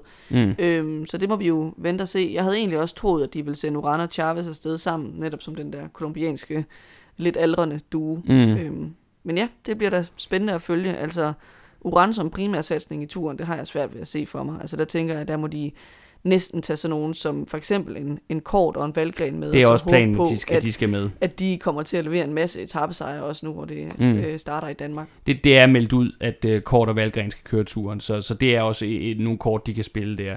Øh, lige for lige at følge op på Carthy, så kan han jo også igen være i spil til Vueltaen, som jo var der, hvor han lavede sit flotte øh, resultat med en podieplacering i, i år 2020-sæsonen. Og så skal det også lige nævnes, at øh, norske Odd Christian Eiking, der gjorde det rigtig godt i Vueltaen sidste år, da han kørte for Intermarché Warranty, hans sæsonprogram er ikke meldt ud endnu, og det kan også sagtens tænkes, at han kommer i spil til en, øh, en Grand Tour. Så øh, gælder det belgiske lotto, og det er måske det hold på World Touren, der har den mest klare og mest firkantede prioritering, når det handler om Grand Tours. Ja, strategien den hedder Caleb Ewan. og Caleb Ewan. Og den handler om, hvordan Caleb Ewan kommer først over målstregen i flest sprinteropgør øh, muligt. Ja, og, og der er egentlig ikke så meget andet at sige til, til det end det. De kommer til at tage den australske sprinterkanon med til både Gio'en, hvor han så formentlig efter at have jagtet etappesejr i starten af løbet, øh, øh, vil udgå undervejs, sådan så han kan være klar og, og parat til, til turstarten i Danmark, øh, og hvor han så øh, formentlig forhåbentlig kan køre hele vejen igennem, og måske endda også blande sig i kampen om den grønne trøje. Det, og så ellers så kender vi jo Lotto, det er et hold, der ellers øh, på de etapper, hvor Juren ikke kan være med, øh, fordi det bliver for hårdt, der går de efter at jagte etappesejr gennem udbrud, og det bliver nok deres prioritet i år også. De har en rytter som ham van Huge, der kan et eller andet i den samlede klassement. Han kan på ingen måde øh, vinde en Grand Tour, ej heller et ugetabløb, men han kan køre med om top 10 placeringerne på en god dag, og, og, og det vil han måske få chancen for i Vueltaen. Men, øh, men øh, det, er, det er et hold, for hvem det handler om etappesejre, og det handler først og fremmest om deres sprinter. Ja, og, og så kan man, hvis man lige skal tage danskerbrillerne på, sige, at øh, Andreas Kron er jo selvfølgelig den der type af rytter, der vil kunne køre i en masse udbrud og have friheden til det, og forsøge at hente nogle etappesejre hjem på den måde. Næst sidste indslag i programmet, det er Bike Exchange, som øh, har valgt at lave en meget klar opdeling i forhold til etabløbene i år. I turen, der mener holdledelsen ikke, at de har et navn, der er stærkt nok til at gøre sig i kampen om podieplaceringerne, og derfor så satses der på etappesejr, måske en grøn trøje til enten Kronevæggen, det er nok det mest sandsynlige, eller Michael Matthews, der også skal med til Frankrig. Ja, og der bliver det jo et eller andet sted spændende at se, hvordan de kommer til at fordele øh, rollerne, fordi øh, det var jo meningen sidste år, at Matthews øh, ligesom skulle være hovednavnet i sprinterne, og det viser jo bare, at han havde ikke niveauet til at være med øh, blandt de allerbedste mm. sprintere. Øh, jeg mener ikke, det blev til en eneste sejr for ham øh, i sæsonen det sidste år. Ikke. Øhm, så jeg tror da helt klart, at Ronevæggen, han så vil være den, de kører for i de deciderede massespurter, og så skal Matthews måske mere være den, man kører for de dage, hvor Ronevæggen ikke kan komme med over bjergene, eller han skal sendes afsted øh, i nogle udbrud. Øhm, men problemet bliver selvfølgelig, øh, kan de så vinde den grønne trøje, fordi Ronevæggen er måske for tung til at, at kunne sidde med de dage, hvor man kan hente nogle mm. nemme point. Men Matthews vil jo så heller ikke kunne vinde den, hvis ikke han tager de sekundære placeringer i spurterne. Øhm, så ja, måske den grønne trøje rykker uden for rækkevidde, men til gengæld så får de bedre muligheder for at vinde etapsejre. Deres store klassementsnavn, det er jo så Simon Yates, og han skal så i stedet forsøge at vinde den Giro-sejr, som han var så tæt på i 2018. Øh, med en tredjeplads sidste år kan man sige, at det vel ikke helt kan udelukkes, men på den anden side, så må man sige, at bortset fra den samlede tredjeplads i Italien sidste år, så havde han et ret skuffende øh, 2021, så han er i hvert fald ikke mit første bud på en, en Giro-sejr her i, i 2022.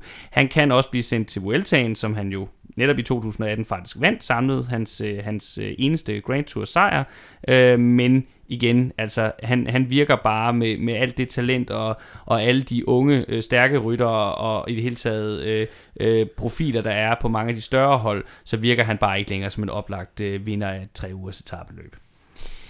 Så slutter vi af med Team DSM, og øh, det er nok det hold på World Touren, hvis planer for etabløbssæsonen fortsat står mest hen i, i de uvisse. Vi ved, at de sender deres nok to største profiler, øh, den hollandske sprinter Kees Bol og franske Roman Bardet til turen.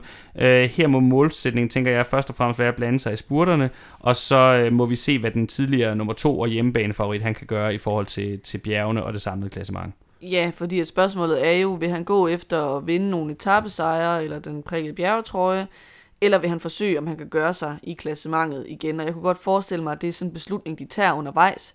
Altså lægge ud med at prøve at se, om han kan holde sig til, og hvis han kan se, at det går ikke, jamen så øh, sad, sadle om, og så simpelthen tabe en masse tid, og så satse på udbrudene i stedet for. Man kan sige, at det er ikke ligefrem en rute, der er skræddersyet til ham med masser af enkeltstart og brostens øh, kilometer, så måske det mest oplagte ville være at satse på en bjergtrøje og, og bjergetapsejre. Og det er faktisk det, vi kan sige sådan for alvor om DSM indtil videre, fordi der er ikke rigtig været nogen udmeldinger endnu om, hvad de har tænkt sig at gøre i forhold til Giro og Vuelta. Men med truppens sådan generelle sammensætning i mente, så er det mest sandsynligt nok, at de vil gå efter etappesejr enten via massespurter eller via udbrudsforsøg. Der er dog lige et enkelt ung navn, du lige vil, vil spille ind med. Ja, også et fedt navn, det er øh, Fandenabele, øh, som øh, er et af, af de etabeløbstalenter, der kommer ind på, øh, på Worldtouren i år. Det kan godt være, at øh, det ikke bliver til en debut i nogen Grand Tour for ham, men øh, i hvert fald bliver han spændende at følge i ugetabeløbene. Han har i hvert fald vist nogle fine takter her i optagsløbene, så ham vil jeg i hvert fald opfordre til, at man lige holder et halvt øje på. Afslutningsvis vil jeg endnu en gang komme med en opfordring. Hvis du lytter til vores programmer og gerne vil hjælpe os med at komme ud til endnu flere, så må du meget gerne give os en anmeldelse i den podcast tjeneste, som du benytter dig af, og rigtig gerne fem stjerner. Så kan det være, at der er endnu flere, der kommer til at kende til os. Det vil vi sætte utrolig stor pris på. Det røde felt er en del af sportsuniverset The Red Zone, der også indeholder bloggen theredzone.dk, hvor du blandt andet kan finde links til vores programmer, samt artikler om en anden fed sportsgren, nemlig amerikansk fodbold og NFL, hvor vi nu er gået på off-season efter årets Super Bowl.